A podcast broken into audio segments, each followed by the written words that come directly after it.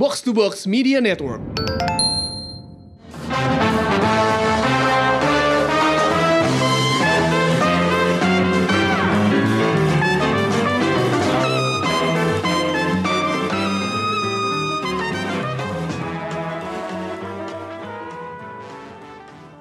Halo halo pendengar Showbox apa kabar? It's been a minute. Karena kali kita baru rilis kemarin gitu ya, uh, baru rilis. Um, cuman nggak apa-apa karena ini uh, kita semacam mini episode yang agak-agak emergency gitu ya, karena uh, kita baru mendapatkan berita yang gede banget dan kayaknya nggak nggak afdol gitu kalau podcast film nggak ngomongin berita ini. Ya nggak Amanda? Iya betul banget sih. Gue dari tadi pagi bacanya udah langsung pengen ngomongin aja. Jadi uh, seperti yang mungkin kalian udah pada denger ya uh, Warner Bros. Studios uh, ini tuh studio kecil ya sebenarnya. kecil dari mana? Yang bikin, yang bikin film-film kecil juga gitu ya misalnya. Seperti apa Amanda silakan. Seperti uh, apa namanya Wonder Woman 1984. Yeah seperti hmm. The Matrix, hmm. seperti Dune, ya kecil sih, nggak gede-gede amat. Oke, okay, yang bikin Harry Potter juga, yang bikin Tenet juga ya kan, udah cukup lah uh, pada tahu gitu ya. Jadi baru keluar berita kalau Warner Bros ini uh, akan merilis seluruh film baru mereka di tahun 2021 di platform bernama HBO Max. Hmm. Gimana hubungan antara uh, Warner Bros dengan HBO Max, Amanda? Mereka satu company ya. Jadi hmm. uh, apa namanya Warner Bros itu uh, dia sebenarnya yang uh, punya HBO. HBO hmm. Go, HBO yang cable, HBO Max itu punyanya dia sebenarnya. Anaknya dia juga cuy sebenarnya. gitu. Jadi kenapa dia nggak ke Netflix? Ya karena Enggak. udah punya HBO Max gitu. Iya, iya. Jadi gini, uh, kenapa kita sampai harus bikin mini episode ngomongin ini? Karena menurut uh, kita berdua, berita ini tuh gede banget karena ini tuh bener-bener bisa mengubah uh, model bisnis industri film buat ke depannya gitu. Karena kalau emang jadi gini, kalau di industri film nih ya sebenarnya kalau gini ya kalau gue nggak pernah nyangka sih sebenarnya 2020 kita bakal mendapatkan berita segede ini gitu. Karena gue pikir kalau berita gede di film tuh apa sih? Apa sih Emmy paling kayak oh Disney beli Star Wars misalnya kayak gitu kan yeah. atau uh. things like that lah gitu kan we didn't expect kalau uh, yang namanya studio film bakal memilih streaming platform dan itu tayangnya barengan ya antara bioskop dengan uh, dengan uh, streaming gitu jadi uh. kayak kalau lo ke bioskop bisa kalau lo di HBO Max di Amerika. By the way ini buat Amerika doang ya. Uh, kalau di Amerika juga bisa gitu. But ini tuh menurut gue langkah awal yang gede banget dari sebuah uh, major studio gitu ya. Uh-huh. Dan ini tuh bisa bener-bener bisa mengubah relationship antara uh, filmmakers, dengan studio, dengan eksibitor ya, maksudnya yang, yang pihak bioskopnya gitu kan, dan juga sebenarnya streaming platform gitu kan, karena kita, kita semua tahu kalau sebenarnya yang baru serius punya streaming platform itu kan HBO alias Warner Bros. dengan uh, Disney gitu kan, baru sama. Disney doang gitu kan, dan itu pun masih dalam tahapan kayak uh, semacam kayak display koleksi mereka gitu, instead yeah. of itu jadi uh, suatu hal yang bener-bener running sendiri kayak Netflix gitu kan. Dan Netflix hmm. pun sebenarnya dulu ya dia cuman sebuah perusahaan rental DVD film yang bertahan dan berusaha beradaptasi dan akhirnya mereka produksi sendiri gitu. Jadi mereka balik kan kalau kalau kalau cara kerjanya. Mm-hmm. gitu. Jadi uh, sebenarnya ini makanya kita pengen ngomongin itu sih. Kira-kira apakah ini beneran akan membuat orang berpikir oh ya udah kalau gitu uh, kenapa gue harus ke bioskop gitu kan. Jadi tuh ya. bener-bener menurut gue keputusan keputusan HBO eh keputusan Warner Bros ini tuh bener-bener membuat apa ya cukup memukul pihak bioskop sebenarnya ya kalau di Amerika gitu kan karena sebenarnya pergi ke bioskop itu buat penggemar film yang uh, avid cinephile banget gitu ya mm-hmm. itu sesuatu yang sacred gitu kan itu sesuatu yang kayak lo nggak akan bisa ngalahin yang namanya communal experience nonton film bareng orang-orang dan juga mungkin lo nggak bisa afford uh, layar dan sound yang uh, spesifik ya misalnya kalau film-film ya. tertentu ada tuh yang harus sound design dan uh, layarnya ukurannya tuh spesifik gitu kan dan itu nggak bisa lo afford di rumah dan itu karya seni yang sebaiknya lo nikmati dalam format yang memang mereka maunya lo nontonnya dalam format yang kayak gitu gitu kan. Tapi kenyataannya tuh gimana gitu. Nah sekarang gue mau nanya dulu di pendapatnya Amy ketika denger berita ini gitu. Kalau gue mikirnya pertama tunggu ini masih di US aja, tenang Iya. aja. Tapi terus gue mikir sebenarnya perkembangan zaman tuh nggak apa ya eh, itu lumayan cepet sih. Eh, hari Hmm. ini di US enam bulan kemudian udah bisa pasti di negara-negara lain. Mungkin nggak di Indonesia persisnya tapi di Eropa atau di Singapura gitu. Itu kan lumayan deket ya sama kita.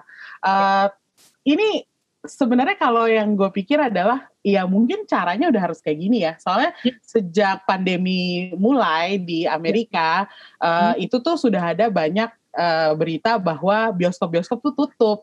Jadi mereka nggak mungkin bioskop bukan chain gede tapi bioskop eh, yang independen. Karena kan di Amerika kan masih banyak ya bioskop-bioskop independen dan eh, gue dengar mereka tuh banyak tutup. Jadi di satu kota itu bisa aja nggak ada bioskop yang buka gitu. Dan kalau misalnya mereka mau nonton film dan kalau misalnya mereka mau nonton film secara resmi itu tuh ra- caranya gimana? Ya nggak mau nggak mau kan mereka beralih ke streaming kan? Dan apa namanya dengan internet yang udah eh, canggih gue rasa masyarakat Amerika tuh ya udah terbiasa lah Netflix Disney Plus itu gampang-gampang aja gitu. Eh, apalagi mereka ada Hulu segala macem. Jadi ya itu tuh udah kayaknya mungkin udah no brainer jadi kalau misalnya di Amerika itu gue rasa ya udah nggak ada cara lain karena bioskop pada tutup eh, terus eh, gimana rakyat mau eh, menikmati film-film ini. Eh, tapi kalau misalnya yang yang apa namanya yang berpotensi untuk bikin eh, marah eh, apa namanya pemilik bioskop itu mungkin pemilik bioskop chain gede. Karena ya Ya. mereka kan harus mikirin cost juga ya. Kalau misalnya eh, pandemi kayak gini mereka bisa buka berapa banyak sih kursi kapasitas di satu bioskop mereka itu? Apakah mereka worth it gitu? Uh, untuk buka hanya untuk menerima misalnya 50% capacity. Untuk Hmm. film yang sebenarnya ada di streaming gitu kan? Itu Ya. jadi pertimbangan suatu pertimbangan gitu. Dan kalau menurut gue ya itu memang berpotensi merusak bis apa model bisnis bioskop yang tradisional. Dalam artian kita datang ke bioskop kita nonton film di sana. Tapi memang mungkin emang udah nggak ada caranya karena daripada ditunda-tunda terus gue Ya. sebenarnya concern sama beberapa film Disney ya. Kayak Hmm. Black Widow itu kan ditunda terus tuh. Jadinya kita tuh dengernya juga nggak enak gitu kan kayak ah ditunda lagi ditunda lagi ada problem apa sih? Mikirnya kan langsung ke problem apa. Sementara kalau Warner Bros dia take decisive action. Kita rilis aja streaming ya udah yang penting filmnya dinikmatin. Dimulai dengan Wonder Woman 1984 yang bakal dirilis 25 Desember. Ini udah mulai loh list jadi udah nggak usah nunggu 2021 lagi 2020 tuh juga udah ada nih film yang bakal dirilis dengan model tersebut gitu. Dan apa eh, ini tuh ka- kayaknya masa depannya lumayan apa ya lumayan cerah sih dengan model ini. Jadi eh, streaming rilis eh, di bioskop dan streaming rilis di hari yang sama. Tapi Hmm. gue baca lagi kalau di streaming dia hanya berlaku sebulan. Nah abis itu sebulannya gimana? Ya gue nggak tahu. Udah gitu kan kita internasional nih international Ya. market jatuhnya di Indonesia. Apakah kita bakal diperbolehkan untuk melakukan hal yang sama? Misalnya lewat HBO Go kita kan Ya. nggak tahu gitu Iya, ini masih banyak hal yang perlu dijelasin juga ya dari pihak Warner Bros. Karena ini kan pengumumannya emang cuman lumayan sekilas doang gitu ya. Tapi eh, bombastis karena judul-judul yang mereka kasih itu emang Hmm. gede-gede banget kan untuk tahun depan. Gue bacain aja ya, ada sekitar 17 em, judul yang masih ada di eh, jadwal tayangnya Warner Bros. tahun 2021 tuh ada Mortal Kombat, ada The Little Things, ada Tom and Jerry, ada Many Saints, uh, The Many Saints of Newark, ada Reminiscence, ada Godzilla versus Kong, Conjuring 4 ya kalau nggak salah ya, Conjuring 4, Hmm. uh, In the Heights, ada Space Jam, uh, apalagi ini kan Space Jam udah dari film tahun kapan uh, mau dibuat yang versi barunya gitu, Suicide Squ- Squad of course yang bakal uh, ditunggu-tunggu banget sama fansnya, Dune yang emang udah dari kapan tahu tuh kita denger ininya ya, keluar-keluarnya gitu promonya, Elvis, uh, King Richard, Matrix 4, jadi banyak banget judul-judul yang emang uh, gede lah ya ininya ya, ada Judas, ada uh, those who, those who ah, sorry. Those who wish me dead. Jadi kayak emang ini tuh uh, jatah setahun dan ini sebenarnya kalau dijual di bioskop tiketnya kan bakal gede banget ya. Tapi karena hmm ya menurut gue kalau lo punya platform streaming dan pilihannya antara itu atau uh, uh, keselamatan juga banyak orang ya menurut gue ya. Keputusan terbaiknya adalah merilis di streaming platform apalagi lo udah punya gitu kan. Udah udah udah udah udah siap ready gitu. Jadi uh, ya itu emang konsekuensi dari ini ya. Mereka mungkin udah udah udah udah punya platform dan akhirnya ya udahlah daripada kita pusing mikirin bikin klaster atau segala macem dan nggak bisa ah. mengandalkan uh. yang offline jadi ya cara caranya caranya ya harus kayak gitu gitu tapi menurut gue impactnya ke Indonesia bakal ada sih karena kan yeah. orang Indonesia pasti bisa juga mengakses uh, eh, HBO Max kalau pakai VPN misalnya yeah. Uh, itu juga mungkin gitu kan. Jadi uh, dan sekarang pun kayaknya bioskop juga bukanya kan masih kapasitasnya masih dikit ya, masih nggak full capacity gitu kan. Uh, jadi menurut gue ini akan berdampak juga sih ke bioskop lokal gitu. Karena kita juga tahu nih misalnya film kayak filmnya Dian Sastro yang guru-guru gokil itu juga akhirnya menyerah dan akhirnya tayang di Netflix aja gitu kan. Karena ya waktu itu emang filmnya udah nggak ada tanda-tanda bioskop bakal bukanya kapan gitu kan. Jadi ya udah nih akhirnya di akhirnya mungkin mereka berhasil deal dengan Netflix Indonesia ya udah tayangnya di Netflix kayak gitu. Ya itu juga udah mulai terjadi di sini gitu kan sebenarnya. Hmm. dan kita, kalau di lokal tuh kita tahu ada yang uh, kayak Visinema gitu mereka punya bioskoponline.com gitu ya yang emang emang platform buat nayangin film-film Indonesia tersendiri gitu ya. Dan menurut gue itu satu uh, inisiatif yang sangat menjanjikan sih ke depannya kalau emang uh, kita kan kita nggak mungkin cepat ya bertahan eh maksudnya kita nggak mungkin cepat nih mengalami pandemi ini pasti kan masih ada urusan vaksin masih trial segala macem. Jadi kayaknya emang menurut gue tahun depan awal tahun depan tuh masih kayak ya nggak akan beda jauh dengan sekarang gitu kan. Paling nggak tuh kita uh, ya mungkin akhir kali ya kuartal 3 kuartal 4 tahun depan tuh 2021 baru kelihatan perubahannya tuh kayak gimana. Iya, dan yang gue baca memang si Warner Bros. mengambil langkah ini setelah konsultasi dengan beberapa epidemiolog gitu. Jadi hmm. mereka udah meng, meng apa uh, mereka udah konsultasi nih sama pihak dari kesehatan dari public health. Jadinya hmm. mereka udah punya uh, gambaran kali ya. Wah, hmm. lu kayaknya kita belum bakal beres nih uh, awal tahun 2021. Jadi uh, kuartal pertama atau dua kuartal pertama di 2021 kita masih akan mengalami mungkin yang namanya uh, work from home, uh, social yeah. restrictions gitu. Jadi yeah. gua rasa si Warner Bros tuh mikirnya daripada kita nggak make money sama sekali, ya yes. udah kita make money. Oh, by the way, untuk yeah. uh, untuk rilis-rilis barunya Warner Bros itu hmm. nggak ada biaya tambahan. Oh, itu gue mau bilang. Jadi kayak bisa harus ngecharge berapa untuk Mulan? 30 dolar. 30 dolar ya. Ini tuh HBO bener-bener kayak nope no extra fee. Iya, jadi kayak itu tuh uh, menurut gue uh, pernyataan yang sangat kuat dari Warner Bros, yeah. dari HBO Max bahwa you can enjoy a lot of things kalau lo langganan HBO Max daripada lo pilih, yeah. lo pilih Disney Plus atau Netflix. Gue hmm. punya banyak tontonan buat lo yang baru, yang fresh dan lo nggak usah bayar tambahan.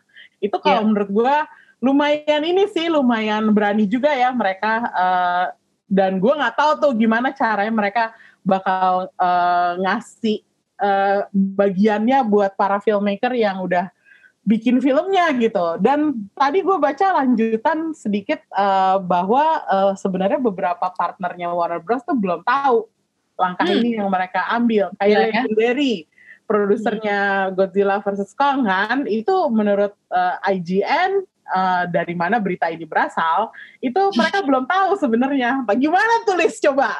Partner studionya.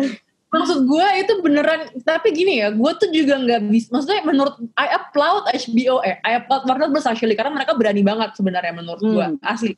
Ini tuh kayak langkah yang drastis banget dan kalau lo I don't see a way of going back gitu loh menurut gue ya sih? Kayak hmm people will think oh kalau misalnya gue bisa nonton di TV ya kenapa enggak? Kenapa gue harus ke bioskop? Jadi emang jadi kayak bioskop itu harus nawarin sesuatu yang lebih lagi nih sekarang menurut gue tantangannya ya. Ketika orang udah apa ya terbuai dengan kenyamanan nonton di rumah dengan uh, lo duduk di sofa dan lo bisa ngambil cemilan yang nggak mahal dibanding kalau lo beli di concierge kayak gitu-gitu loh. Jadi kayak hal-hal yang kayak gitu tuh harus lebih uh, mereka harus lebih pintar berstrategi lagi sih bioskop menurut gue karena kalau enggak ya ya ini akan terjadi sooner or later sih menurut gue ini terjadi lebih cepat karena pandemi aja. Tapi kan maksudnya arahnya sebenarnya udah ke situ gitu gak sih? Karena ya um, ya apalagi di Indonesia ya dengan bioskop tuh cuman berapa dan apalagi yang di kota-kota yang kecil yang emang nggak terjangkau dan mereka lebih bisa punya uh, lebih terbiasa nonton YouTube atau nonton sesuatu yang di handphone gitu kan atau di laptop gitu dibanding ke bioskop yang mungkin jauh aksesnya nggak ada kayak gitu kan uh, jadi menurut gue emang harus ini sih emang harus uh, menyesuaikan diri sih semuanya gitu kayak ini tuh kayak kita kerja di media cetak terus lo harus yeah. antara paper atau screen atau tablet gitu kan. Uh. Jadi kayak this is happening now to the film industry gitu ya dan sebagai orang yang lama di media cetak kayak kita bisa bilang ya you gotta adapt. I'm sorry but that's the hard like itu cold truth banget ya. Gue suka banget ngerjain paper gitu. Cuman ya mau nggak mau industrinya emang udah berubah gitu kan. Apalagi uh, dengan pandemi kayak gini ya memang semakin dituntut lo untuk beradaptasi. Kalau enggak ya lo nggak bisa menghasilkan uang gitu. Lo nggak bisa bertahan gitu nah itu dia makanya kalau yang tadi gue bilang kan Warner Brothers itu dia emang udah ngambil langkah uh, ini aja, langkah yang pasti aja deh. Yang yeah. penting kalau misalnya kita rilis di HBO Max, kita masih bisa dapat duit nih dari hmm. langganan. Hmm. Tapi kalau misalnya kita nggak rilis sama sekali, tuh film nganggur sampai kapan gitu. Jadi ya emang intinya adalah ya, I mean blame it on COVID gitu. Maksudnya nggak bisa nggak bisa nyalahin Warner Bros, nggak bisa nyalahin produser, nggak bisa nyalahin pemilik bioskop. Ini semua terjadi karena pandemi kan intinya kayak yeah. gitu sih. Tapi ke depannya kalau misalnya kita emang mau mikirin model kayak gini, itu tuh lumayan sustainable sih kalau menurut gue. Nah, iya. Jadi uh, produksi film kan gak bakal berhenti gitu kan. Maksudnya selama industrinya di Amerika sana masih ada potensi untuk uh, menghasilkan uang kan industrinya nggak akan di stop gitu. Dan kalau yeah. misalnya lo apa namanya uh, intinya adalah kalau semakin banyak filmmaker yang butuh platform, ya sekarang hmm. platformnya udah lagi nggak di bioskop, platformnya adalah yeah. streaming digital. Ya tinggal yeah. pilih aja sih lo mau, mau muter di Netflix, lo mau muter di Disney Plus, Coba di Christopher, Christopher Nolan diminta pendapat ya. ya, maksudnya with all due respect to the Nolans out there yang masih yeah. Mengusung uh, apa ya kemurnian bioskop ya. itu juga nggak salah mereka karena memang nonton ya, bioskop tuh bikin kangen kan. Gue sih ya. kalau gue gila kangen banget. Kalau gue sih kangen banget ya cuman kangen emang gue takut akan keselamatan diri gue sendiri. Jadi mau nggak mau ya gue Netflix lah tiap hari mau ya. TV lah tiap hari. Gitu. jadi maksud gue kalau misalnya emang ke depannya mau kayak gini ya ya bisa sih kalau misalnya gandengan ya jadi uh, kita lihat aja nih nanti si yeah. Warner Bros sama si bioskop bisa nggak nih beneran bergandeng rilis yeah. di hari yang sama dengan jangka waktu di streaming hanya sebulan itu bisa apa enggak gitu. Yeah. I think gandengan is the keyword di sini ya. Maksudnya yeah. kayak we don't announce the death of cinema no. Ini cuman yeah. kayak ini tuh challenge lebih banget buat cinema, buat eksibitor gitu ya, buat lebih uh, lo usaha lagi nih buat uh, narik orang-orang balik ke bioskop gitu karena hmm. yang namanya meet and greet nggak mungkin di online doang. Kalau hmm. webinar ya lo cuma ya maksudnya gimana ya beda dengan lo ketemu langsung gitu kan. Itu masih bisa di, itu salah satu jalan juga sebenarnya buat menarik penonton gitu kan. Hmm dan juga communal experience gitu nanti ketika pandemi ini berakhir orang tuh bakal kangen banget ngumpul bakal kangen banget uh, uh, jalan-jalan nonton nonton horor tuh kalau nggak rame-rame kan nggak enak ya. betul dengan teriakan-teriakan di pojok yang lo nggak kenal tapi lo tahu lo merasakan hal yang sama yeah. it's such an experience yang uh, streaming tuh nggak bisa tawarin gitu karena gue tuh udah berapa kali nyoba Netflix yang party ya yang lo bisa nonton bareng dan uh. lo bisa ah. komen-komenan di sampingnya gitu kan uh. it's different man it's not it's not the same it's, yeah it's the best you can do lah itu kayak darurat aja gitu karena lo nggak bisa uh, ngumpul uh, di bioskop kayak biasanya cuman kayak no it's still maksud gue uh, ya itu aja sih cuman kayak harus lebih bisa berstrategi mungkin harganya atau paket-paket yang lebih menarik kayak gitu kan atau ada subscription ada no yang kayak gitu-gitu sih Kalau gue sih dari ngeliat daftar film-filmnya yang bakal dirilis uh, 2021 dari lini Iya. lininya si Warner Bros. Yang paling gue concern adalah Conjuring. Karena gue inget banget gue nonton film Conjuring yang sebelum-sebelumnya itu di bioskop bareng sama temen-temen gue. Dan gue selalu teriak-teriak gitu loh. Iya. Maksudnya itu kesenangan tersendiri kan berada di tempat uh, gelap dikelilingi sama banyak orang. Terus udah gitu gue kayak waktu tadi gue ngeliat judulnya gue kayak ya ke streaming di Conjuring. Apa gue harus ngumpulin keluarga gue, kucing-kucing gue buat nonton bareng gue gitu. Maksudnya tetap aja sih kalau menurut gue bioskop tuh masih ada value-nya. Sampai kapan pun bakal terus ada value-nya kalau menurut gue. Cuman kalau lu emang bener-bener pengen penasaran sama ceritanya, lu pengen lihat aktor-aktornya, ya streaming lah. Kalau Iya. di masa pandemi ini, jadi ya itu Ya, beneran. melengkapi gitu ya, Hmm. melengkapi budget entertainment lo aja sih gitu. Karena Iya. eh, ya well eh, nggak ada yang ngalahin interaksi langsung kan tetap gitu. Iya, Gitu. Jadi mungkin yang disebut sama orang Warner Bros sebagai one uh, unique one year plan, I doubt it actually. Tapi ya mungkin kita sekarang baru bisa ngomong ya ini setahun ini dulu aja rencananya gitu kan. Karena Iya. ya you cannot really plan anything in the pandemic gitu. Uh, cuman ya gitu aja sih. Uh, kita coba ngobrol-ngobrol singkat ya Amy ya soal Ya. keputusan yang besar ini dan menurut gue it's quite uh, it's quite industry changing lah ya bisa bisa merubah industri banget dan ini sebenarnya alarm gede buat perusahaan eh buat studio lain yang eh, yang mungkin sinis gitu dengan dengan keberadaan streaming platform gitu kayaknya enggak sih. You have to like at least have a plan iya. gitu. Either betul. you team up with Netflix or you make your own something like that. Kayak tetap aja pada akhirnya kalau something karena lo nggak akan pernah tahu apakah virusnya ini bermutasi lah atau Iya, vaksinnya you never know. Kayak this will happen again gitu loh. Kayak kayak itu kayak udah hukum alam aja ini. Kayak memang lo harus bertahan dan beradaptasi aja sih Mm-mm, gitu setuju. Oke, thank you banget udah dengerin mini episode kita. Uh, it's been fun dan mungkin kalau ada berita-berita gede lagi kita akan bahas kayak gini lagi ya, Emi. Iya dong, harus. Alright, thank you semuanya. Bye-bye. Bye.